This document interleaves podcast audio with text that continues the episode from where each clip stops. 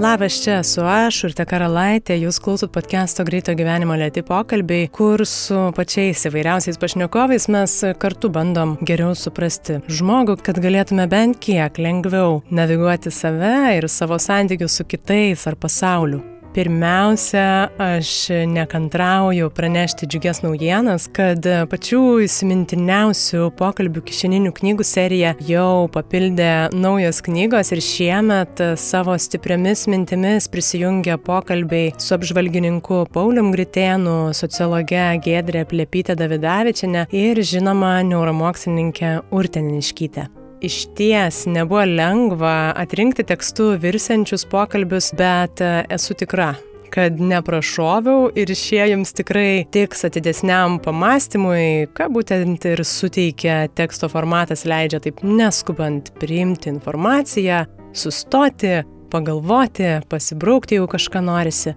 Na ir be abejo, aš be galo džiaugiuosi, kad tokiu būdu pokalbiai gali pasiekti ir tuos, kurie audio formato neprisijaukina. Visus e, knygų rinkinius rasit podcast'o parduotuvėje karalaitė.com pasvirasis brūkšnys parduotuvė ir tai dar ne viskas. Ten taip pat rasit atvirlaiškių su stipriausiamis pašnekovų citatomis ir visišką naujieną mes sukūrėm ženkliuką, kuriuo kviečiam priimti ir net parodyti kitiems savo jautrumą ir trapumą, nes tai irgi yra mūsų dalis ir man atrodo jinai tikrai be galo žavi. Tai ženkliuką taip pat rasite mūsų parduotuvėje, o šią idėją padėjo įgyvendinti ženklelių gamintojai Make Head Stern ir dizainerė Regina Stonytė. Ačiū tikrai Jums. Jeigu ieškot prasmingų dovanų artimiausiems, tai apsilankykit podcast'o elektroninė parduotuvė ir tuo pačiu tikrai stipriai prisidėsite prie visų šitų pokalbių gyvavimo.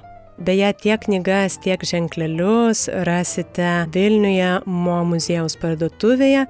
Na, o šiandien kalbuosi su lygių galimybių kontroliere, teisininkė Birutė Sabatauskaitė manęs dažnai kiek netenkina vien profesinės etiketės, nes už jų vis tik esame ir mes, gyvi žmonės. O birutė man yra empatijos, atkaklumo, tokio sveiko, aštrumo ir drąsos pažiūrėti tiesiai į nepatogumus pavyzdys. Tai to žvilgsnio į nepatogumą mūsų pokalbėje visai nemažai, kartu svarstom apie savaime suprantamumo virsmus laikmečių sandūroje ir iš to kylančias priešpriešas, individualizmo keliamus iššūkius, žmogaus norą ieškoti pateisinimo savo įpročiams ir elgesiui.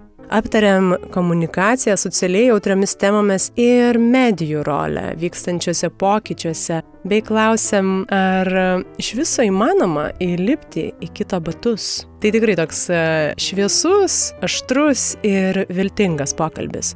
Šį epizodą pristato mūsų draugai audio knygų platforma audioteka.lt, o šiuo metu su kodu Lieti pokalbiai visoms audio knygoms gausite 20 procentų nuolaidą. Ir kaip visada, visų knygų pradžios iki valandos galite pasiklausyti visiškai nemokamai. Ačiū labai audiotekai, kad tiki mumis ir padeda važiuoti pirmin. Dabar keliaukim jau susipažinti su Birute ir jos šviesiomis mintimis.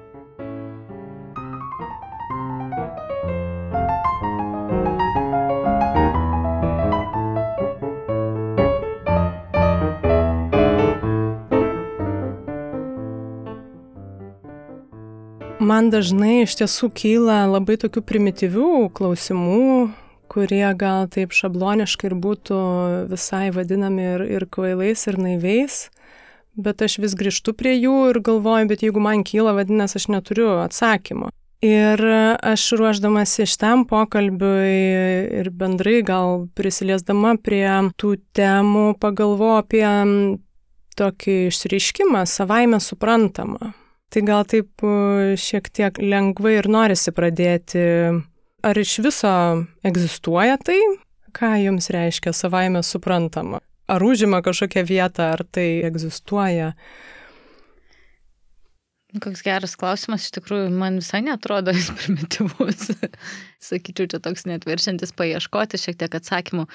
Man atrodo, dažnai, ką mes laikome savaime suprantama, yra kažkokios tam tikros kultūrinės normos tam tikroje vietoje, tam tikroje erdvėje, tam tikrame rate.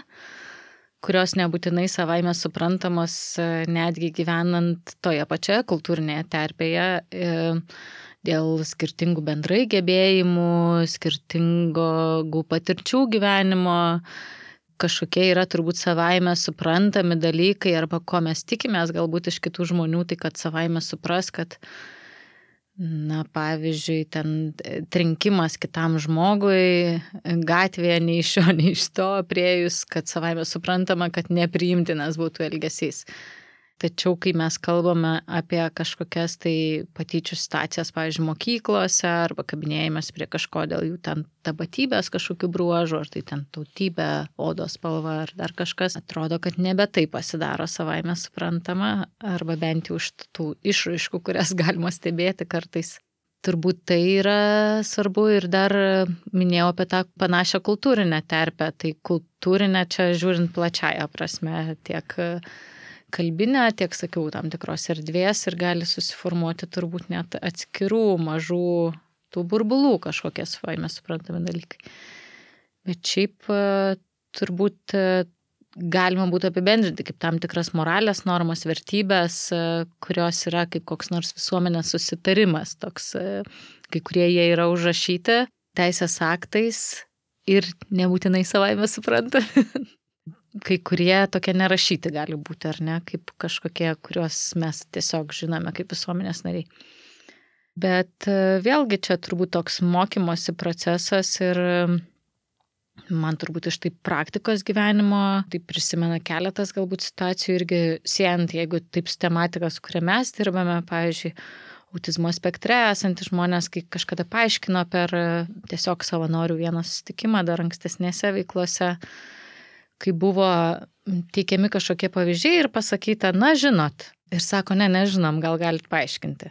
Nes kažkas sako, na kaip visada, e, tokiais panašiais atvejais, o sako, kaip būna visada. Tai man atrodo labai geras priminimas tiesiog, ir čia nebūtinai kalbant apie autizmo spektrą, bet tiesiog e, vardinti, kas tas yra savaime suprantama.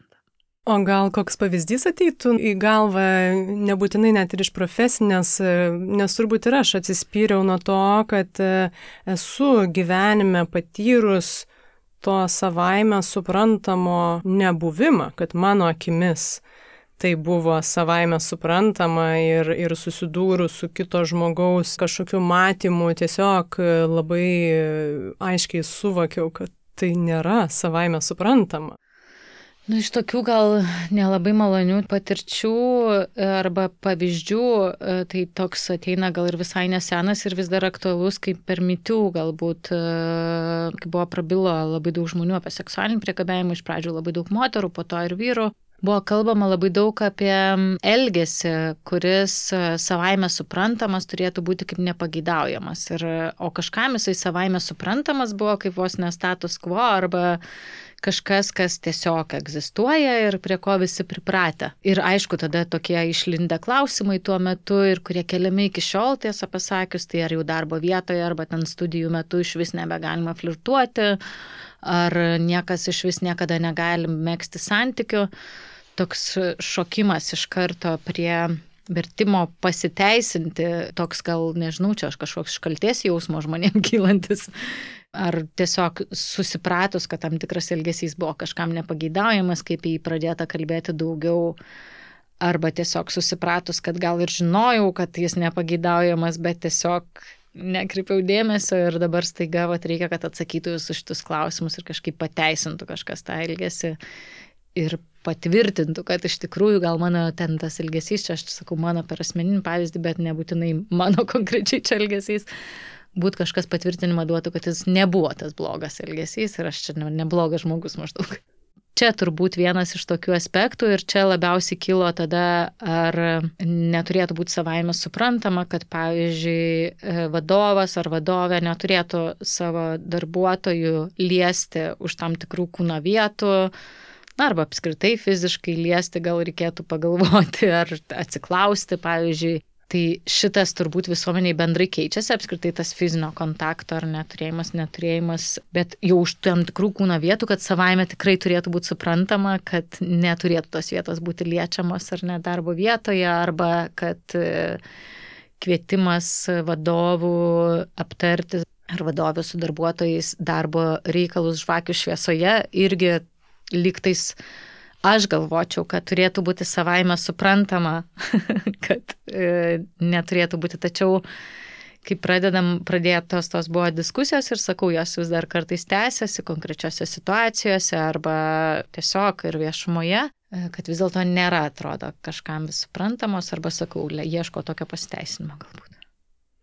Taip, šitoj temoje ir, ir gal ir kituose virsmuose, kuriuose mes turbūt kaip ir dabar platesnė prasme esame, aš neišvengiamai pagalvojau be abejo ir apie čia ir laikmečių, ir santvarkų skirtumus, ir va šitoje temoje irgi turbūt galima pastebėti, kad dalis šitų net ir apibūdintų situacijų buvo savaime suprantamos anksčiau, ar savaime suprantamos kaip tinkamos, tinkamos net ne ta žodis, o egzistuojančios ir tas virsmas vyksta į kažkokį naują savaime suprantamą. Ir tame tarpe, tarp tų dviejų savaime suprantamų, yra vat, visa tai, kas iš tiesų, kas kyla žmogaus ir galvoje, ir, ir veiksmuose, nes natūralu, kad neišeina turbūt perjungti iš vieno, kaip čia maudo netinkamas visiškai išsireiškimas. Taip. Įpročio. Iš na, įpročio, bet toks netgi kaip įrenginio norisi galvoti, kad jeigu tu vienaip elgeisi ir dabar nori tave tiesiog perjungti į kitą elgesį, natūralu, kad taip nebus. Ir va tie visi kažkokių pasiteisinimų ieškojimai, kažkokių diskusijų ir savo elgesio, bet ir kitų kvestionavimai, tai galbūt ir vyksta tarp tų dviejų kažkokių tai šiuo atveju gana kraštutinių variantų, bet to neišvengiamai neteisimi naują savaime suprantamą. Čia turbūt kelionė, kuriai reikalingos, kaip ir prieš tai turbūt minėjau, kažkokie vertybiniai dalykai yra užrašyti tam tikrą prasme įstatymuose. Tai čia šituo atveju sakyčiau, kad tai yra kažkas, kas užrašyta taip netiesiogiai, tai žodžiai įstatymuose. Aišku, visą laiką galima galvoti, ar tai, kad įstatymuose užrašyta ir kažkoks elgesys nėra leidžiamas arba draudžiamas, ar jis tampa savaime suprantamu, tikrai nebūtinai ir tam reikia labai daug tokio visuomenės kalbėjimo, susikalbėjimo, švietimo, bet kai kuriais atvejais gal tam tikro ribos nubrėžimo. Ir šviečiamosios veiklos tiek mokantis asmeniniam gyvenime, nubrėžti kažkam ribas, tiek tuo pačiu darbo vietose išdrysti arba galėti išdrysti, nes išdrysti tai nereiškia, kad čia tik asmeninė atsakomybė, dabar kažkieno kas pastebi tokį elgesį arba patiria tokį elgesį, nubrėžti tą ribą, čia ir stebėtojų vaidmuo labai svarbus, ar tai būtų diskriminacija ir kažkokios ar ten patyčios dėl asmens tautybės, odos spalvos, ar, ar ten dėl lyties, arba seksualinis tas pats priekabiavimas ar dėl negalios kažkokie neetiški komentarai apie psichikos sveikatą ir panašiai. Tai turbūt siekis toks yra, kad mes turėtumėm tokias e, vietas, ar tai būtų švietimo įstaigos ar darbo vietos, kad uh, jaustumėmės galintis ne tai, kad visi niekada nesuklys ir niekada nepasakys nieko, bet kad būtų aplinka tokia, kurioje galėtų bet kas išdrysti ir pasakyti, žinot, šitas jūsų e, bayeris arba tas jokelis buvo nejuokingas, tiesą pasakius, ir gana žaidus. Ir tuo pačiu, kad būtų sukurta aplinka nenubausti tą, kas išdryso iškelti klausimą, kad tu čia dabar ko čia kabinėjasi maždaug, o kad būtų sukurta tokia aplinka, kur galėtų pasakyti, o žinai, atsiprašau, nepagalvojau. Tai man atrodo, kai kalbam apie tai ir tą netyčinį tokį elgesį, nepagalvojus, kai mes iš tam tikrų nuostatų, stereotipų kažkokį padarome tam tikrą elgesį, tą galimybę turėti pasitaisyti tam tikrą prasme. Bet aišku, priklauso nuo elgesio smarkumo. Aš irgi čia tą norėčiau pastebėti, nes jeigu yra kažkaip kenkiama žmogui, pažeminamas kitas žmogus labai stipriai ir orumas, tai aišku, kad toks elgesys šiaip reikalautų tam tikro įvertinimo. Bet apie savaime supranta, man kažkaip taip į galvą ateina ir dar kitas pavyzdys. Pavyzdžiui, kalbant apie žmonės su psichosocialinė negale, tarkim, arba žmonės uždarytus į tam tikras globos institucijas, tai kažkuriuo metu Lietuvoje ir šiaip drįščiau sakyti, kad dažnai ir dabar tai savaime suprantamas dalykas daugam buvo, kad žmonės turi vos nebūti kažkur uždaryti ir kad, na, nesipainiotų viešoji visuomeniai, nes čia šiaip tokia kabutėse normali atseit visuomenė, o čia vat yra už normalumo kažkas ribų. Tai tą nesmagų, tokį tikrai pavyzdį pasirinkau ir tą normalumo ribų, nes mes kartais iš esmės turėdami tokią sistemą formuojam tokią ir nuostatą. Ir tada turbūt, kai susilaukiama pasipriešinimo, kai norima sukurti bendruomeninio gyvenimo namus, atjudant ir sukuriant kažkokį oresnį gyvenimą, iš dalies natūralu, kad kyla tas didžiulis kažkoks pasipriešinimas, tuo pačiu ir labai liūdna, bet ir iš dalies natūralu nes e, turbūt jeigu per tą parodimą žiūrėti savaime suprantamo ar ne, tai žmonės tiesiog priešinasi kažkam, kas jiems savaime nėra suprantama. Ir čia tokia ilga kelionė, bet kai valstybė yra sukurta, tuo pačiu ir visuomenės, ir valstybės e, kažkokiu reguliavimu politika yra skurta, va tokia atskirties sistema ir jinai pasidaro savaime suprantama, tai atmokti ją, nes išmokstame mes greitai ir ne kažkokiu tai būdu, bet atmokti yra labai sunku.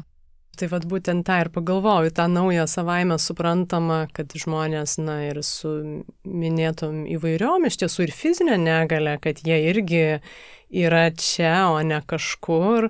Tai tikrai aš manau, kad pastarieji dešimt metų gal tik pradeda rodyti kažkokius tai truputį pamažu, tikrai labai nedidelius žingsnelius. Man yra tekę prieš 12 metų savanoriauti užsienyje būtent e, žmonių su negale įvairiose bendruomenėse, skirtingose.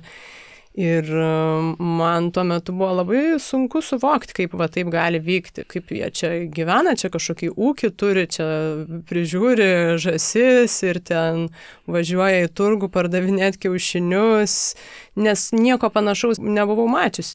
Nei per televiziją, nei realybėje be abejo. Tai tas turbūt pokytis dabar pamažu, pamažu vyksta.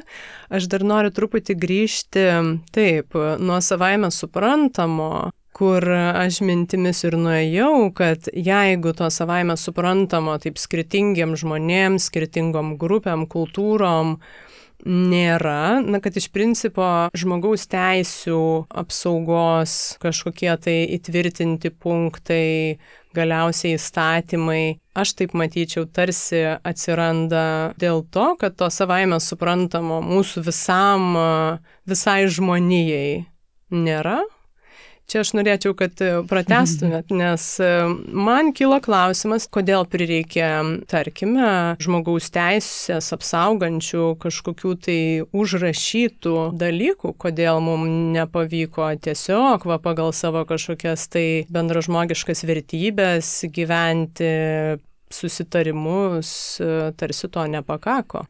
Iš dalies tai norėčiau sakyti, kad pavyko ir tas užrašymas tam tikras, tai galbūt yra tas rodimas, kad pavyko susitarti, kas tie yra bendražmogiški dalykai, tik tais, kad užtikrintumėm tuos kažkokius minimalius standartus. Aišku, kad e, čia mane tikrai daug kas greitai sukritikuotų, nes žmogaus teisų principai mes žinome, daugybė jų atsirado ir buvo užrašyti tai po antrojo pasaulinio karo, kuris e, be galo daug nusinešė gyvybių tiek e, dėl tokio aukščiausio neapykantos lygio, tiek bendrai dėl karo, tiek kiek buvo civiliai e, žudomi. Aišku, tam turėjo įtakos ir pirmas pasaulinis karas ir apskritai. Tai ten visos Ženevos konvencijos ir tuo pačiu visuotinė žmogaus teisų deklaracija vėliau bet nėra taip, kad jie neturėjo prieš tai jokių pradininkų. Tai aš nenoriu čia dabar eiti į teisės teoriją arba žmogaus teisų teoriją, nuo kurio amžiaus mes galėtumėm žiūrėti tuos pirmus užrašytus dalykus ir ko tikrai galima pasimokyti. Tai nereiškia, kad jų nebuvo anksčiau, tas visuotinumas labiau atsirado. Tai bendras kažkoks visam pasauliu minimalus standartas nustatytas žmogaus teisų pagarbos, to orumo, kankinimų prevencijos, kažkokios apibrėžimo, kas yra tie kankinimai, vergystės toks jau absoliutus ar neuždraudimas ir taip toliau. Ir nepaisant to, mes toliau kalbame, kad visuotinė žmogaus teisų deklaracija po antrojo pasaulinio pakaro, bet kokiam šeštam dešimtmet mes vis dar toliau kalbam apie pilietinių teisų judėjimus ar ne ir didelę segregaciją egzistavusią tarkim, apie kurią buvo kalbėta daugiausiai JAF, ar ne, kaip e, skirtingos autobuso vietos, skirtingos kavinės, skirtingi, skirtingos maitinimo įstaigos juodaodžiams ar baltodžiams. Ir e, taip pat kalbam ir apie feministinio judėjimo atsiradimą pirmą, antrą, trečią bangas ir taip toliau. Tai nereiškia, kad mes pasiekėm kažkokį tai paskutinį tašką, tačiau net ir turint tuos minimalius standartus, greičiausiai mes tikrai kai ką interpretuojam vis dar ne vienodai, bent jau tavose tų standartų užrašyme. Bet iš kitos pusės judant prie to, kas tas yra savaime suprantama, man kažkaip šiaip bendrai kyla tokia mintis, pabandžius taip savo žengti žingsnį atgal ir suvokus, o koks pažinimo džiaugsmas tame slypia, nes, pavyzdžiui, jūs ir pasakot apie tą galėjimą savanorystės praktikos kažkokios ar galėjimą tiesiog pažinti labai skirtingus žmonės. Tai mes dėl tų sukurtų, jeigu laikytumėm, kad savaime nesuprantama tokios segregacijos sukurtos sistemos ir va tam galėtumėm priešintis, koks galėtų didžiulis pažinimo džiaugsmas atsiverti. Taip, iš tiesų aš dar e, noriu gal irgi truputį išplėsti, nes apie tą bendrą sustarimą ir skirtingą matymą aš irgi galvojau. Dabar mes e, įvairiausiais būdais, taisyklėmis, konstitucijomis, konvencijomis, įstatymais bandom susitarti, kaip mes e, norime idealiu atveju gyventi kartu Be abejo, ką jūs ir minit, tai po antro pasaulinio karo tarsi visgi pamatėm, kad e, neužtenka, kad mes visgi, na, mums nepakanka tų taisyklių, kurios tarsi buvo ar užrašytos, ar tarpusavyje kažkaip lyg ir suprantamos.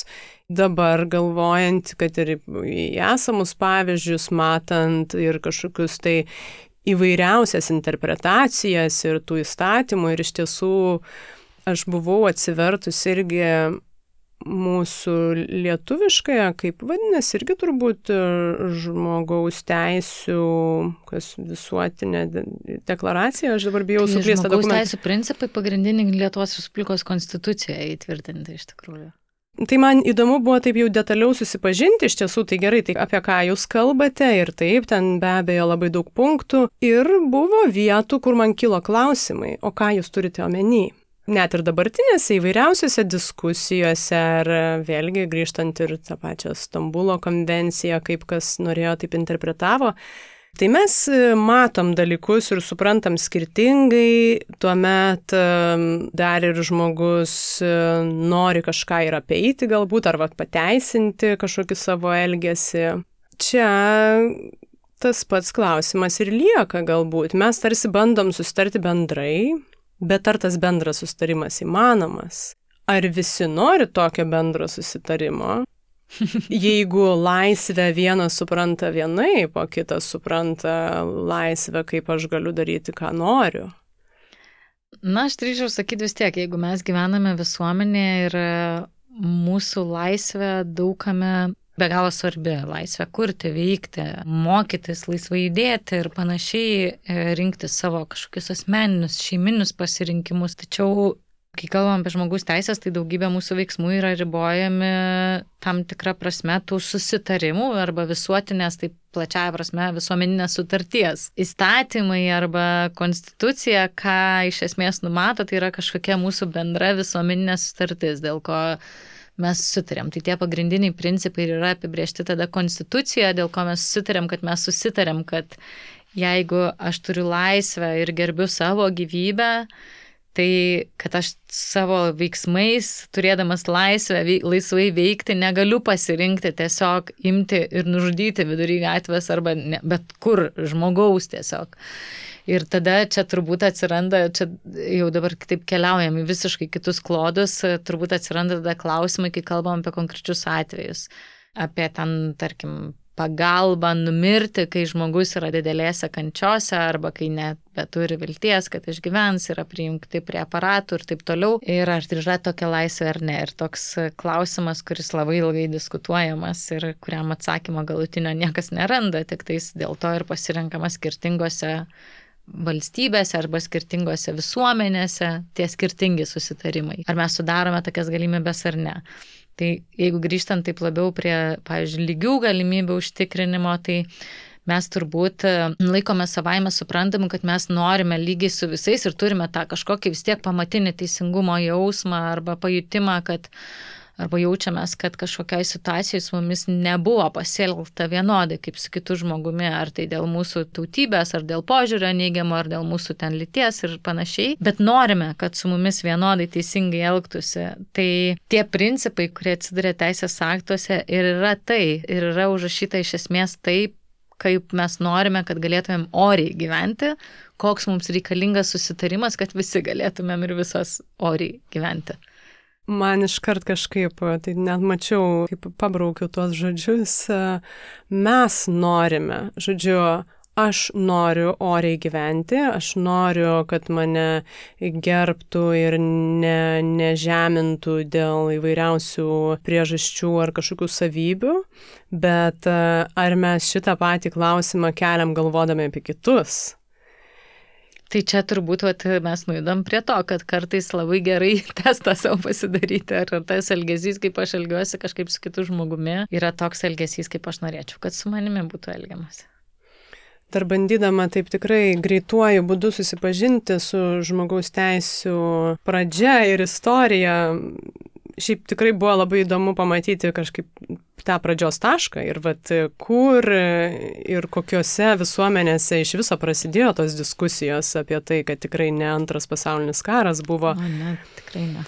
Ir taip, užsirašiau vieną italų filosofo Tomo Akviniečio mintį, gabaliuką minties, kad visuomenės gerovė, bendrasis interesas žymiai pranoksta individualaus intereso svarbą. Ir čia tada norisi pažiūrėti šiandieną, kur galimai individas, individualizmas šio laikinėje visuomenėje iš tiesų yra taip labai išskirtas, kad ir kaip mes bandytume rūpintis vieni kitais, tų vienetų išraiškingų yra turbūt žymiai daugiau negu pažiūrėjus šimtmečiais atgal.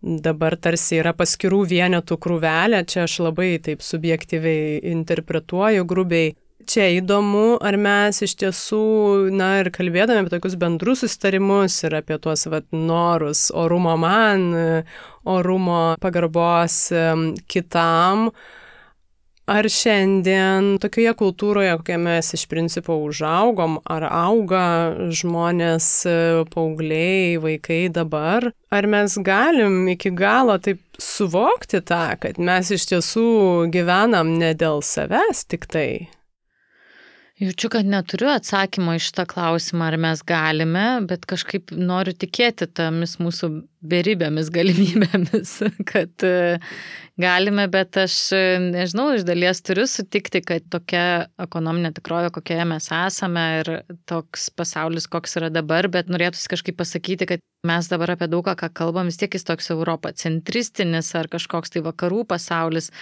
bet jis nebūtinai toks individualizuotas e, visur. Ir e, čia grįžtant prie to savaime suprantama ar nesuprantama, nes kažkaip pastaruoju metu lygių galimų kontrolieriaus tarnyboje labai daug kalbame ir apie asmeninio gyvenimo, šeimos ir darbo, pavyzdžiui, derinimą. Tai čia tik tais iš tokių pavyzdžių, kas skamba čia taip labai galbūt teoriškai, bet iš esmės, kas svarbu mums visiems ir visoms, tai galėjimas e, dirbti darbą ir turėti kažkokią kitą mėgstamą veiklą ir galėti ją užsiimti ir kad e, nebūtų to lūkesčio, kad e, jeigu žmogus išeina laiku iš darbo, kad jis čia kažkaip prasikalto, nes reikia dirbti nenormales darbo valandas ir tik tada esi atsidavęs neva kažkokį tai ar darbui, ar tarnybai ir gali kažką tai padaryti. Tai Man atrodo, kad net šitame yra labai dideli skirtumai. Aš šitą, tarp kitko, pastebėjau tik tais ir anksčiau mačiau, bet at, kai atėjau į valstybės tarnybą, iš esmės tapus valstybės pareigūnė, lygių galimų kontrolierė,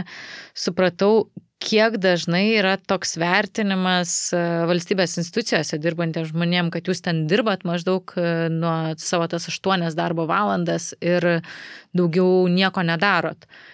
Ir aš galvoju, ką reiškia iš vis šitas vertinimas, ar mes neturėtumėm tada šiaip kalbėti apie tai, kad Lietuvoje, arba nebūtinai Lietuvoje yra susidaręs šiaip toks fenomenas dirbti taip, lik iš vis nieko daugiau neturėtum, neturėtum nei vaikų, nei kitų pomėgių, na ir jeigu neturi vaikų, neturėtum jokių artimųjų, nenorėtum nieko daugiau kito veikti, bet ir tuo pačiu būti to, tokiu sėkmingu žmogumi, kuris geba dar viskuo kitu pasidomėti ir perskaityti milijoną kitų knygų ir pasiklausyti įvairių podcastų, nežinau kada, nemiegant turbūt. Ir čia turbūt galima lyginti su kažkokiu Skandinavijos esančiu rodikliu, kur labiau yra normalizuota tai, kad žmogui pasibaigus darbo valandom yra absoliučiai normalu, kad atėjęs į įstaigą ten, jeigu jų darbos valandos baigėsi ten kai kur ir ketvirtą, ar ne, net ne penktą, ar ne šeštą, nes pas mus lankstus kažkoks laikas būna kad atėjęs be penkių ir spręsdamas kažkokį sudėtingą, ilgą klausimą, tau žmogus pasakys, mano darbo valandas baigėsi tuo metu ir paprašys ateiti kitą dieną. Ir kas yra tada visiškai normaliai priimama, nes kitas žmogus lygiai taip pat nori, kad, nežinau, e, nesvarbu, kur dirbi, ar privačiam, ar valstybiniam sektoriui, kaviniai dirbi, tu nenori, kad tie žmonės sėdėtų dar valandą papildomai užsakę tą kavą paskutinės penkias minutės tavo darbo. Tas lūkestis toks yra įdomus fenomenas. Labai nukrypau nuo klausimo, dabar supratau. Bet tai nežinau, iš kur atsiradęs tas tokios sėkmingos kažkokios būtybės, e, viržmogiškos būtybės lūkestis, e, bėgančios ir viską sugebančios. Ir kai kalbam apie šeimos darbo derinimą, tai tyrimai, kuriuos atliko ir tarnyba kartu su mokslininkais, tai matosi, kad ir kartais, pavyzdžiui, mamom tai dar iš vis nerealistiškesni lūkesčiai. Tikrai ten, pavyzdžiui, auginti vaikus taip lik nedirbtum niekada darbo, o darbą irgi dirbti irgi taip lik neturėtum vaikų galėti tą daryti bet kada, bet kuriuo metu ir panašiai. Tai dabar prasideda po truputį tos diskusijos, ten girdisi, kad ir profsąjungos kelia klausimą, gal vertėtų nustatyti, kad ten, čia tik diskusinis toks klausimas, kad nebegalėtų tau skambinti ten, pavyzdžiui, po darbo valandų darbdavys ir klausinėti visų bet kokių klausimų, kokie tik iškyla ten po darbo. Nebent tai būtų ekstra kažkokie skubus, ten, nežinau, avarijos gamyklose ar dar kažkas. Bet ne šiaip tiesiog, o, man čia šovė mintis 8 val. vakaro, kai geriausiai veikia mano galva ir aš sugalvojau pasidalinti ar ne su kolegomis. Tuo pačiu daugam kyla klausimų, ar reikia visada tokių ribojimų ir susitarimų. Bet jie kažkokiu būdu atsiranda tuo pačiu iš tam tikro nepasitenkinimo kažkokiu status quo, kuris yra susiklostęs. Dėl to kartais reikalingi tie visuomenys tarimai. O apie dar grįžtant apie tą individualumą, čia tokia ir aišku ir filosofinė, ir su ekonomika susijusi tema, ir galima būtų nueiti apie santarkas visuomenės ir daug ką e, paliesti ties šitų klausimų, bet turbūt, e, nežinau, kažkoks yra svarb, svarbus dėmuo bendrai, kad nu, asmenybei kažkokiais kleistis, kad mes sudarytumėm galimybės ir apie tai turbūt kalbame ir švietime daug, ir šeimose, kaip nepriboti žmogaus pernelyg. Tačiau turbūt bet kas galėtų man užduoti klausimą, kad bet kokios sistemos kūrimas, tokios kokios yra, yra įstatymas tam tikrus rėmus žmonių, ar ne? Net tas pats pradėjimas pamokų 8 val. ir baigimas tam tikrų metu. Nežinau, prisimenant mokyklą, aš visą laiką galvodavau, kodėl, kodėl šita mokykla yra nustatyta žmonėm, kurie mėgsta keltis anksti.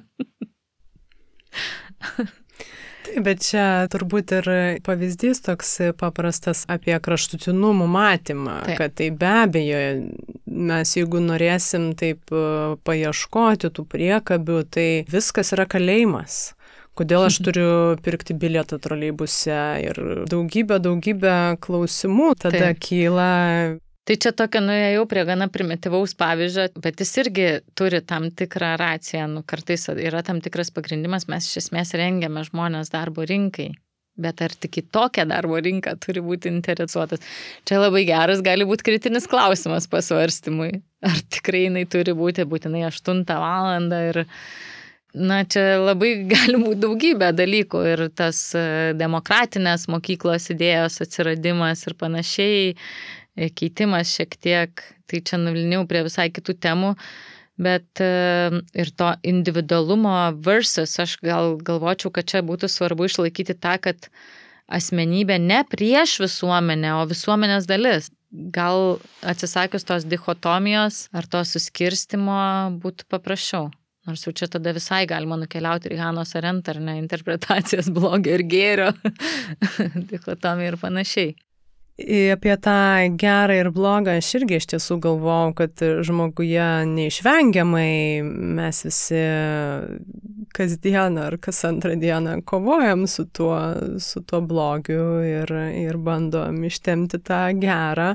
Man kyla klausimas irgi, ar kažkaip bandydami iš tiesų pažaboti tą žmogaus, bl kaip čia, blogąją prigimti, nes nori taip negatyviai skambėti, nes iš tiesų tai natūralia ta ir gyvuliška mes tarsi einam prieš save. Aš nesakau, kad dabar paleiskime Taip, aš visai nuklydau tokius pamastymus, kaip vat, žmonės, kurie reikalauja įvairiuose kontekstuose dabar, nu, vat, tos laisvės, kaip jie supranta. Tai aš pradedu galvoje piešti tokius scenarius, kad va ta laisvė, kaip jie supranta, tai būtų iš tiesų tokio džiunglių nežinau, jokių įstatymų nebuvimo, aš noriu tavo automobilio, aš tave nudėjau čia ir dabar, nes aš veikiu pagal instinktą. Tai čia tokios įdomios prieš priešos, kad taip mes turim tą, tą gerą ir blogą, kiek mes jį galim truputį prikirpti ir kiek mes neišvengiamai su tuo vis tiek gyvenam, bet toj bendruomeniai ir visuomeniai. Jaučiu, kad nukeliausiu visiškai už savo bet kokių kompetencijos ribų interpretacijas, čia su jūsų klausimu. Aš jau seniai nukeliavau, bet, čia net klausau. Kur nelabai galiu ir gal atsakyti ir neturiu tokio aiškaus atsakymo, čia filosofam galbūt geresnis klausimas paklausti, bet na, aš galiu tik šiaip kaip žmogus pasidalinti, kad tikrai nebejotinai yra vienas iš dalykų, kur nu, savaime mastai apie tai ir galvoja. Ir, aš esu linkus tikėti kažkokiu pamatiniu gerumu kiekvieno. Noriu tikėti, ne visada gaunasi, bet noriu tikėti, kad jis yra tas pamatinis gerumas kažkur kiekviename žmoguje ir jeigu jis šiuo metu nepasireiškia ir negali pasireikšti, tai yra būtent dėl kažkokių sudėtingų patirčių žmogaus gyvenime. Čia jau galima būtų kalbėti ir su psichologais, vaikų gal labiau ar ne, kaip vaikui sakoma, kad uh, na, kažkoks tavo elgesys yra blogas, bet tu savaime blogas žmogus nepasidarai dėl to, kad ten, nežinau, šiuo metu nepagalvojus įskaudinai brolį ar sesę ar ten kitą artimą žmogų, kad tas elgesys buvo blogas. Iš kitos pusės, kai mes kalbame jau apie suaugusius žmonės, netaip lengva atsakyti į tą klausimą.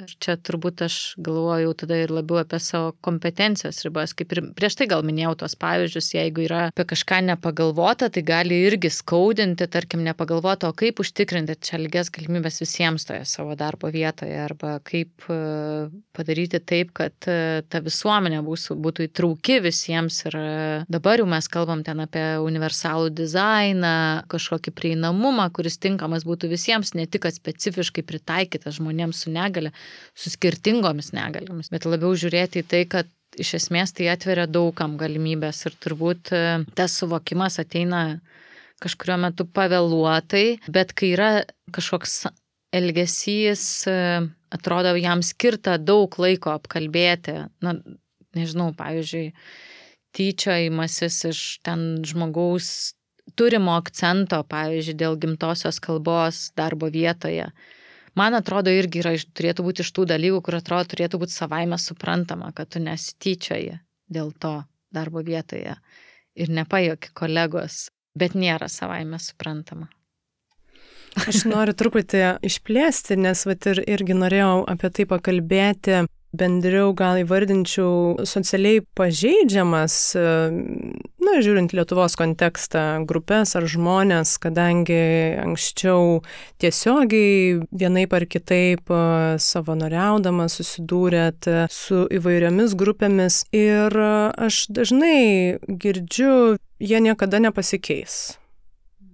Galvojant apie kalinius, apie nežinau, ir kažkokius elgesio modelius, įpročius turinčius žmonės, priklausomybės, e, daugybė. Kultūriniai kažkokie tai įpročiai irgi formuoja tą elgesį. Tai taip, tai šitas tikrai dažnai e, nuskamba ir argumentuotai kažkaip įrodyti, kad jie tikrai pasikeis tam be abejo į ateitį nėra būdų.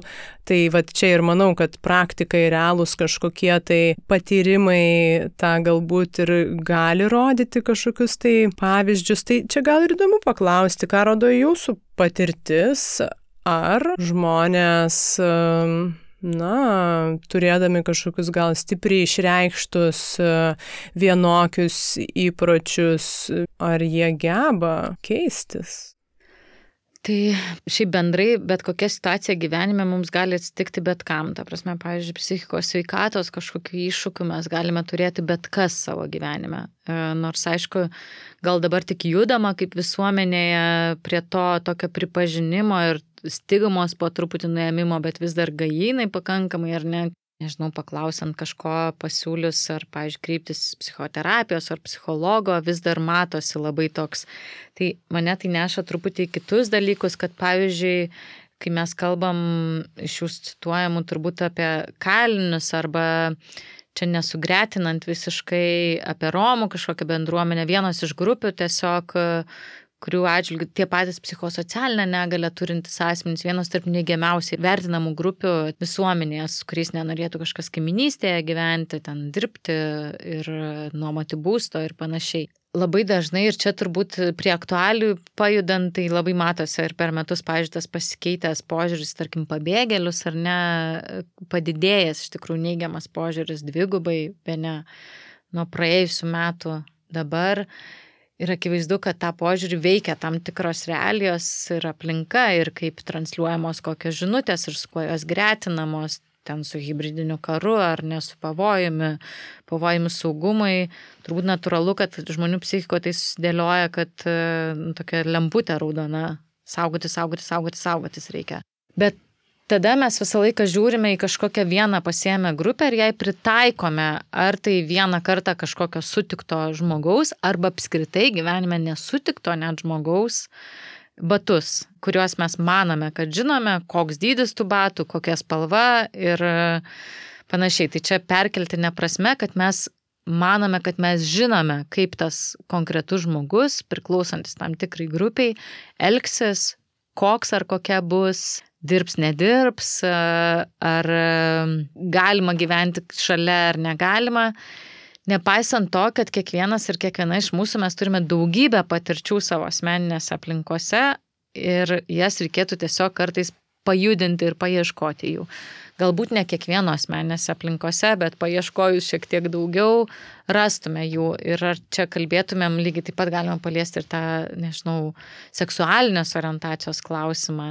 Bet ką, tai su pabėgėliais būti susipažinus Lietuvoje, kai jų iki šiol būta tikrai nedaug, turbūt asmeniškai nedaug kas net ir turėjo tokias galimybės, kadangi tai yra kažkokių tik tais miestų, tam tikruose miestuose žmonės gyvena. Bet e, kitur, tarkime, psichosocialinė socialinę negalę turinčių žmonės, tai jau prieš tai minėjau, kad tiesiog dar yra ir ta sistema tokia buvo sukurta, kad mes neturėjom tiesiog galimybės, o, o tai nereiškia, kad nepažįstame šiaip jokių žmonių, kurie neturi jokių psichikos sveikatos sunkumų, nes Jeigu kalbėtum ten apie psichosocialinę negalę, tai ilgesnis nerimas arba ten kažkoks, čia ne mano laukas irgi, bet bent jau aš kaip suprantu, kad tai gali patekti ir ilgesnį laiką, kai gėdi, pavyzdžiui, žmogaus ir tau tai sukelia didžiulį stresą, irgi galėtų patekti tą terminą, ar ne, depresyvumas ir panašiai. Tai galima paieškoti, tikrai rastumėm tų žmonių. Ir tai lygiai taip pat, e, galvojant apie Romus, e, pavyzdžiui, aš anksčiau savanoriavau ir dirbau su vaikais, tai e, nesinori minėti vardų, bet tiesiog prisimenu labai šviesiai vieną merginą, jos patirtis gyvenimo, aš kartais galvoju ją pažinodama nuo pakankamai mažo amžiaus. Taip galėtų būti visuomenės lūkestis, kad jinai galėtų būti užaugusi pikta, engianti kažkam, nes ją tikrai gyvenimas vėtė ir mėtė. Ir per vaikų namus, ir per netektis, ir per rūpinimąsi pačiai būnant mažai savo mažesniais broliais ir seserimis, nepasakant šeimos istorijos, kai ištiko ar tos netektis ar, ir panašiai. Bet ne, tai yra žmogus, kuriai suaugus, jinai tiesiog kažkaip tai kabinosi į gyvenimą, po truputį bandė baigti mokslus, įgyti kažkokią tai dalinę profesiją, tuo pačiu auginti savo mažametį visiškai vaiką ir rūpintis dar savo jaunesnę sesę, kuri dar nepilna metė. Man atrodo, kad kartais ko reikia, tai kad mes patikėtumėm žmonėmis ir kad suteiktumėm galimybę. Ir kad suteiktumėm galimybę žmonėm, kurie buvo va, būtent gyvenimo vietyti ir mėtyti, kas reiškia, neturėjo vienodų galimybių, tokių pačių kaip kažkas, kas augo saugiuose namuose arba kas neturėjo tiek netekčių, čia nepriklausomai nuo tautybės. Suteikti galimybę ir kai kuriais atvejais, jeigu mums yra akivaizdu, kad e, jeigu yra aukšta lentyna, tai reikia pastatyti kažkam kopečias, kad galėtų pasiekti ta, tos lentynos viršutinį E, laiptą, tai lygiai taip pat ir kalbant apie, nežinau, galimybę gauti ar tą išsilavinimą patį, ar tiesiog galimybę būti tuo visuomenės nariu, nebūtinai tokiu, kokio tikimasi, nes apie tai net nesinori pradėti, nes kartais tas tikėjimas jis gali būti šiaip labai individualus šeimose ir panašiai, kad netitinka kažkieno lūkesčių bet tiesiog turėti galimybę pačiam kažkaip save išreikšti ir būti tos tuo pačiu visuomenės dalimi. Tai lygiai taip pat su, nežinau, tuo vaikų kažkokiu auginimu, tai jeigu mes to individualizuoto visuomeniai tikimės, kad vaiko auginimu atsakinga tik tais kažkokia konkreti šeima, arba ten konkreti mama arba tėtis, vieni augindami, bet negalvojame apie tai, kad, apie, kad ir tą seną posakį, kad reikia viso kaimo vaikų užauginti.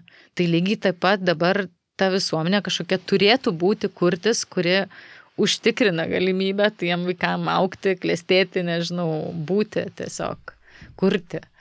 Čia įdomu, aš kažkaip um, pagalvoju apie tas kopečias ir apie tos skirtingus scenarius, na, kad ir man pavyzdį Romų bendruomenės vaikus ar, ar suaugusius. Ir nebūtinai, ar, ar tiesiog iš sunkiau gyvenančių šeimų, o gal ir priklausomybių turinčių ir smurtinių aplinkų ateinančius, tarkim, vaikus.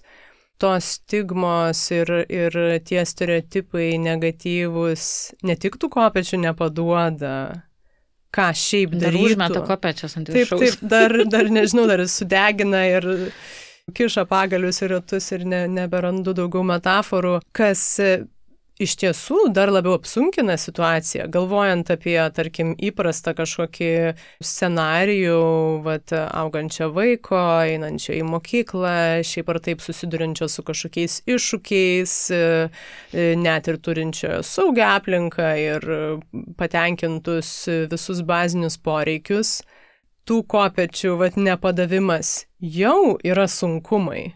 Tai net galvojant iš tos tokios labai primityvios e, kažkaip pozicijos, mes ne tik e, nepaduodam ir vat, nepatikim, bet užkraunam dar, dar daugiau um, iššūkio, su kuo tikrai nebūtinai visi žmonės susidorotų ir mes tą patys matom turbūt ir savo patirtise, kad ne su viskuo susitvarkom Ir tada galvojant iš tiesų apie tokius scenarius, kur viena ant kito griūna negandos ir aš tikrai mm, susidurdama su tokiom situacijom protų nelabai suvokiu, kaip va aš iš tiesų bandyčiau toliau kažkaip motivuoti save ar matyti kažkokią šviesą. Čia dar norisi gal irgi pagalvoti apie tą įlipimą į kito batus. Neišeina taip kažkaip labai apibendrinti, bet turime tų pavyzdžių ir paminėjom dabar ir pabėgėlius, ir, ir kažkokių taip ir mūsų tautinių mažumų ar kažkokių aplinkų, kurių mes nepažįstam. Tarsi padėtų į tuos batus įlipti ir kažkaip geriau suprasti tai, kas visgi ten, kaip vyksta jų gyvenimas ir, ir tiesiog buvimas. Bet ar, ar tai įmanoma? Nu, taip, va, įlysti į tą kito kailį, norėdami iš tiesų suprasti, kaip jie mato pasaulį. Tai klausimai jūsų, ar tai manoma, liktai turėčiau atsakyti taip ir ne, bet ne. neišeina niekaip. Ne, čia kviečiam. Taip trumpai neišeina atsakyti. Taip, be abejo, ir aš žinau, kad šita formuluotė tarsi ir netinkama tokiam, bet gerai, Viskas gerai. Pakyti. Kaip tai įmanoma? Nu, gal čia toks pamatinis dalykas bendrai empatija arba galėjimas jausti ir apskritai turėjimas kažkokio ūkdymas emocinio intelekto arba jeigu negalėjimas, tai protų pagalvojimas apie kažką, tai mes turime tokių daug arsenale savo vidinėme resursu, ką galėtumėm pritaikyti, pabandantis jausti, tai jeigu neturimėm kažkokiose artimuose aplinkose, visada turime galimybę paieškoti informacijos, bet čia turbūt ir kaip žmonės, kai kalbame permastyti savo elgesį. Aš nesakau, kad e, aš čia savaime ideali ir niekada neturėjau jokių nei nuostatų, nei žmonių su negale atžvilgių, nei LGBT bendruomenės, nei Romų atžvilgių.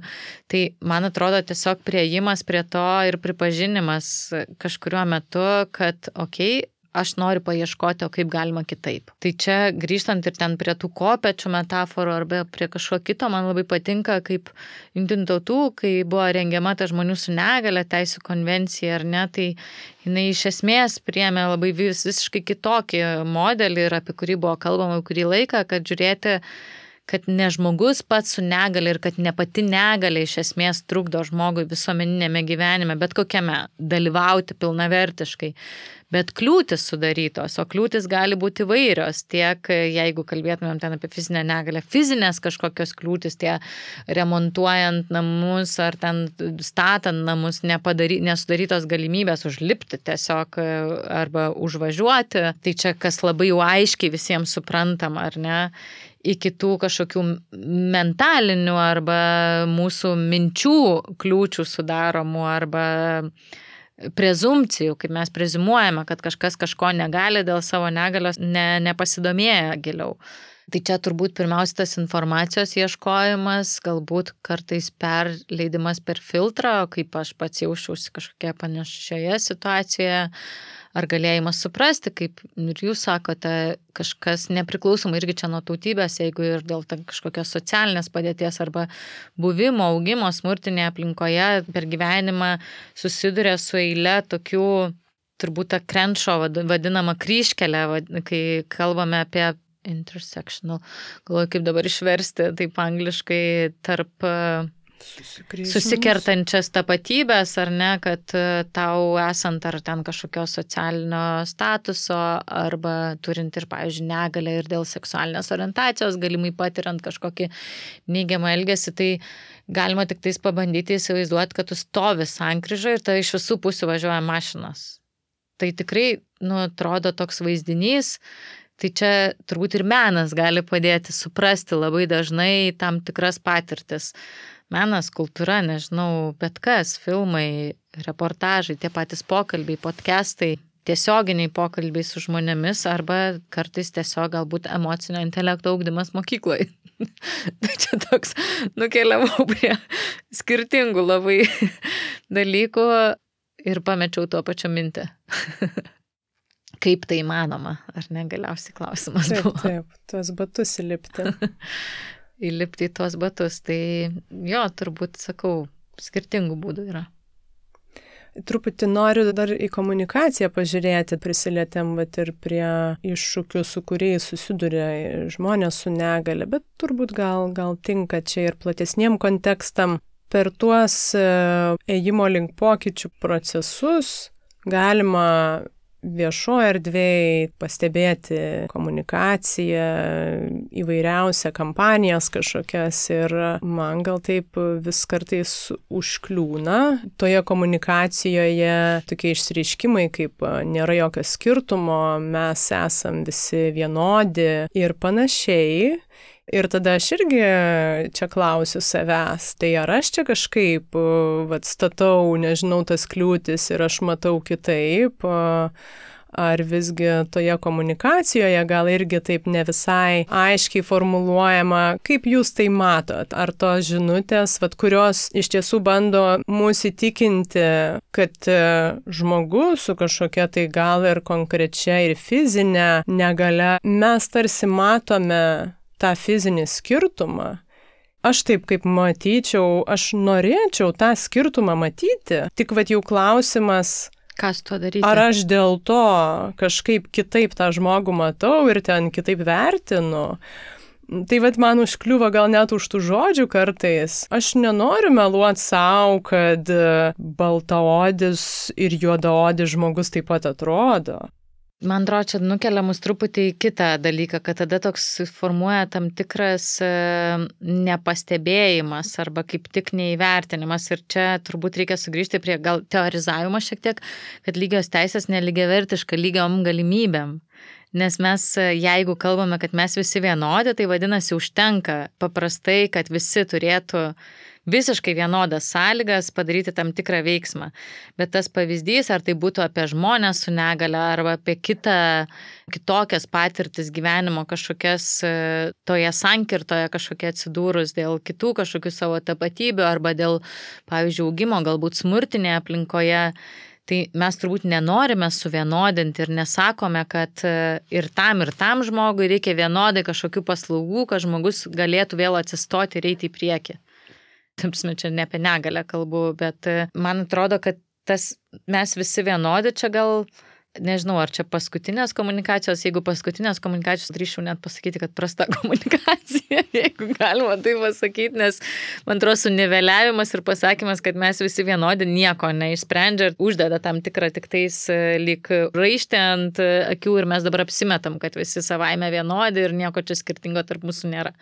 Tai dėl to tas lygių galimybių sudarimas yra atpažįstant tam tikrus skirtumus, pašalinti tam tikras kliūtis, kurios susiformuoja, ar tai dėl mūsų nuostatų, ar kurios susiformuoja dėl to, kad dėl tų nuostatų kažkada pamiršome, praleidome pagalvoti, ar ne, pašalinimas tų kliūčių, ar kaip pavyzdžiuose minėta, ar dėl to, kad žmonėms su negale tos kliūtis yra sudarytos, ar tai fizinės, ar kitokios, ar tai būtų dėl tautybės, ar ne kažkokios, arba jeigu kalbėtumėm apie tam tikrą laikmetį Amerikoje, kodėl kažkurio metu buvo savaime suprantama, kad reikia kažkokių priemonių užtikrinančių, kad juododžiai galėtų taip pat stoti aukštasias mokyklas nes visų pirma jie mokydavosi kažkokiuose rajonuose, tokiuose visuomenėse mokyklose, kur jų savaime pažymiai būdavo žemesni ir tada reikėjo kažkokių laikinų priemonių užtikrinančių, kad žmonės gali net turėti galimybę prieiti prie tam tikro aukšto mokslo jį buvo neįsileidžia, man kažkaip, jeigu dar žiūrėtumėm anksčiau, tai galima būtų žiūrėti ir apskritai tuos pirmuosius pavyzdžius, kai vedamas kažkoks vienas juodaodis vaikas būdavo į visiškai dominuojančiai baltaodžių mokyklą, kur ten ir apspjaudydavo, ir apmėtydavo akmenimis ir taip toliau. Tai iš esmės tai yra kliūtis, kurias reikia pašalinti. Tai ar tai būtų požiūrio kliūtis, ar tai būtų kažkokios fizinės kliūtis ar kitokios. Tai man atrodo, tas suvienodinimas ir apsimetimas, kad kažkieno, kad kažkas vienodas ir patirtis reiškia tuo pačiu galbūt vienodas, o gal ir nereiškia. Gal čia tiesiog norėjimas kažkaip tai nežinau, apie komunikaciją, aš nesu komunikacijos specialistė, kartais tiesiog turbūt komunikacijoje ieškant būdų, kaip išsiųsti kažkokią paprastai trumpai žinę šitame skubančiame pasaulyje, kai mes pamatome, kiek ten virš 15 tūkstančių kažkokių per dieną video skirtingų ar kažkokių informacijos vienetų, gal tiesiog yra ieškojimas būdo, bet gal ne visai vykęs. Taip, čia trumpai norėjau paliesti. Įdomu iš tiesų, kad tai paskatina irgi vat, pamastyti visgi, kaip mes prieinam prie šitų skirtumų. Tai ar, ar mes tada visiškai neigiam ir ar tada mes neigiam, kad mes tarpusavį visi turim kažkokius skirtumus, nesvarbu, ar tai fiziniai, ar, ar socialiniai be abejo. Dar man norisi truputį prie komunikacijos, gal taip irgi plačiau galvojant apie medijų rolę jautrių socialinių pokyčių tuose procesuose besitėsiančiuose ir galvojant apie medijas, kurios mėgsta iš principo negatyvą, jom tai yra naudinga, kuris mums kaip vartotojams, kaip tiems, kuriuos medijos tarsi siektų edukuoti, vėlgi kuriuo klausimu be paimtume pavyzdį visur turbūt tiktų. Tai tas negatyvus komunikavimas mums nesuteikia vilties, mums tikrai nebūtinai padeda kažkaip keisti tą požiūrį, vėlgi atrodo, kad niekas nesikeičia. Žodžiu, taip labai sutiršni. Taip, tai aš čia taip irgi galvodama vat, apie kažkokius pastebėtus pavyzdžius. Kaip matot, vat, būtent medijų rolę kažkokiuose jautriuose temose ir kokia būtų ideali komunikacija? Aš matau šiaip labai didelę rolę ir nuo tada, kai aš dirbu žmogaus teisų laukia, ar tai savanoriaudama, ar, ar po to, kai dirbau Lietuvo žmogaus teisų centre ir dabar dirbdama lygių galimybių kontrolieriaus tarnybo, aš vis dar matau tą pokytį. Aš matau dabar labai daug polarizavimuose, tema, apie kurią net nesinori kalbėti, čia kaip Valdemortas jau darosi, tai pandemija. bet tuo pačiu matau labai daug e, tokio ieškojimo atsakymų, kaip kalbėti apie skirtingas bendruomenės, kaip kalbėti apie, nežinau, lyčiai jautrius kažkokius klausimus. E, tikrai matau tą ieškojimą pokyčių, matau, kad medijos ieško ir galimybių, kai ir ekspertės kviečia, kad užtikrintų vienodai tą atstovavimą kas nėra visada lengva ir aš žinau, kad tai kartais tikrai iššūkį keliantis dalykai, nes Jeigu grįžtumėm prie kažkokių lyčių, tai taip mes labai dažnai žinome, kad moteris ekspertės e, dažnai irgi nusivertina save ir kai kviečiamos yra net ir kažkokias laidas, sako, tai ką aš čia pasakysiu, tai aš neturiu ką pasakyti, nors 15 metų analizuoja kažkokį tai yra kažkokios ryties specialistė, ekspertė, mokslininkė ir panašiai. Ir tai labai siejasi su tomis ir lyčių nuostatomis, bet e, lygiai taip pat e, nu, ir kitose sritise galima būtų pritaikyti. Tai aš matau, kad medijos ieško būdų, kaip pristatyti, kaip kalbėti apie žmonės su negale, bet arba, pavyzdžiui, kalbėti apie tą pačią LGBT bendruomenę, Gal tačiau vėl atrodo kažkuriuo metu pradėta ieškoti tų skirtingų istorijų galimybių. Aišku, čia galima kalbėti dar apskritai, kokia žiniasklaida galimybės turėjo paskutinius įvykius pilnai nušviesti ar ne, kai nebuvo leidžiama prieiti kilometrą iki sienos, po to suteikta ta galimybė, čia tik tais nuo vakar berots ar ne. Matau tų pokyčių, man atrodo, kad labai labai svarbu, kad ji toliau būtų ieškanti ir medija, žiniasklaida, kad nebūtų bijanti kažkaip tai analizuoti, peržiūrėti kažkokius sprendimus ir ieškoti naujų. Nes e, man atrodo, čia visose sritise šiaip jau tas galioja, kad kažkas status quo, kažką, ką mes atrandame, jeigu tai tiko prieš dešimt metų, tai nebūtinai tinka dabar. Na, kartais, aišku, tas sensacijų ieškojimas dabar tokiam kai kuriuom žiniasklaidos priemonėms ir išlikimo tam tikrą prasme pavojuje, ieškojimas tų klikų, skambių antraščių irgi daro savo kartais, man atrodo, tikrai irgi vis dar formuoja tam tikrų grupių atžvilgių ir neigiamą poveikį turi. Ir vis dar galima pastebėti, ypač kokios nors kriminalinėse kronikose, ar ne, čia taip apibendrintai vadinu jas, kaip yra nurodoma kartais žmonių tautybė, žinoma, tik tais tuo atveju, jeigu tai yra nelietuvių tautybės asmenis. Tai norėtųsi to matyti vis mažiau kad atvertų kažkaip galimybės, sudarytų galimybės. Bet aš tuo pačiu sakau, bandau žiūrėti optimistiškai ir matyti tą progresą, kad jis vyksta. Tikėtis, kad jis vyksta toliau. Mano kitas klausimas praktiškai atsakytas, iš manęs visas kortas atėmėt. Galvodama apie įvairias e, jūsų rolės ir, ir įvairias patirtis, e, kadangi aš ir pati nevyriausybiniam sektoriui kurį laiką dirbau, su tuo susidūriau, kad vat, rezultatai būtent e, ten, na kaip čia pasakyti, iš tiesų apčiopiami rezultatai labai retai pasiekiami yra. Na, tai yra labai ilgos kelionės ir nebūtinai e, per savo, nežinau, ar tai kadenciją, ar tai darbo laiką, ar net ir gyvenimą, e, kai kurie rezultatai bus pasiekti, kas tuo met e, toj kasdienybėje padeda tą tam tikrą ir dopaminą turbūt prisišaukti, bet ir motivuoti, motivuotis siekti tų labai galbūt tolimų rezultatų. Čia man asmeniškai kas padeda? Taip, įdomu. Man padeda žmonės, su kuriais aš dirbu kartu, žmonės, kuriuos sutinku darbe ir kažkaip noras tikėti. Aš nesu iš tų, kur manau, kad čia atėjau gelbėti pasaulio, nes nelabai tikiu tokią rolę. Nesusireikšminti reikėtų, o tiesiog gal kartais nusistatyti kai kuriuos mažus tikslus, kuriuos pasiekus tada gali pasidžiaugti, kažkiek. Čia gal labai teisingai užčiapėt, nes dirbant, pavyzdžiui, analizuojant ten diskriminacijos skundus kažkokius ir čia mastau ir tuo pačiu apie savo kolegas, kurie tą patį daro.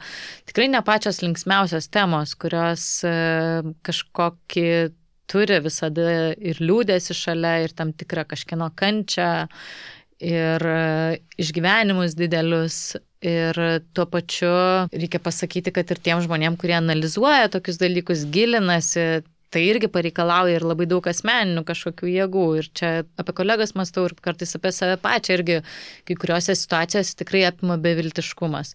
Tai man atrodo, kartais išsikelimas tų mažų dalykų, kuriuos pavykus būtų padaryti kartu ar pasiekus kažkaip bendromis jėgomis, galima būtų pasidžiaugti ir taip skirti tam šiek tiek laiko pasidžiaugti yra svarbus dalykas. Na, šiaip motivuoja kasdieniam gyvenime, nežinau, dar judėjimas, skaitimas, buvimas su artimais žmonėm, pokalbiai gilus ar nebūtinai gilus, visokie. Šuo, katinai. Svarbiausias svarbiausias visus dalykus paminėjom. Tai, tai nuostabu, aš turbūt ir neturiu nei ko pridurti, nei atimti. Aš tikiuosi, kad šitas pokalbis kur nors irgi nuvedė. Ačiū už šviesias ir plačias mintis. Mes pabandysim jomis kažkaip teigiamai pasinaudoti. Ačiū, kad nuvedėte į vairias vietas, kur jau kartais jaučiu, kad pati net pamečiau minties galą ir siūlo galą. Tai turbūt taip, taip natūraliai tie gyvi pokalbiai taip ir vyksta. Čia ne anketa, teisingi atsakymai, kur laukiami. Tai dėkui tikrai.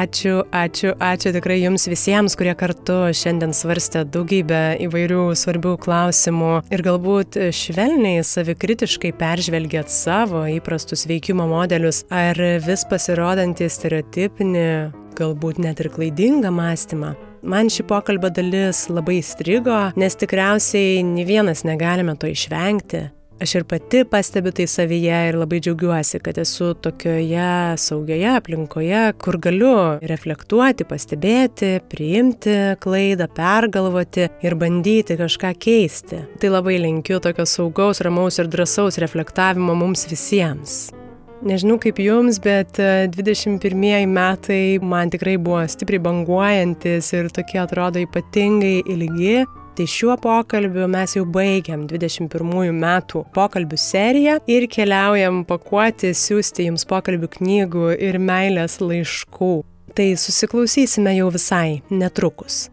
Primenu, kad podcast'o kūrimą dalinai finansuoja Spaudos radio ir televizijos remimo fondas ir tikrai daugybė jūsų prisidedančių Patreon platformoje. Jeigu šiuose pokalbiuose randat kažką savo vertingo, tai nepamirškit dalintis į socialinėse medijose, O podcastų gyvybei palaikyti tikrai labai kviečiu ir jūs prisidėti prie pokalbių gyvavimo, kad ir simbolinė kasmėnesinė suma, nes bet kokios reguliarios įplaukos mums padeda užtikrinti ir šitų pokalbių testinumą ir reguliarumą. Tai ačiū labai visiems, kurie jau prisidedat ir padedat, taip pat ir podcastų draugams Vilniaus universiteto radio stočiai Start FM, kurios studijoje aš viską, viską įrašinėju. Juos galite išgirsti startfm.lt arba Vilniuje FM dažniu 94,2. Kaip ir kas kart, podcast'e Greito gyvenimo lėti pokalbiai su jumis buvau aš, Urte Karalaitė.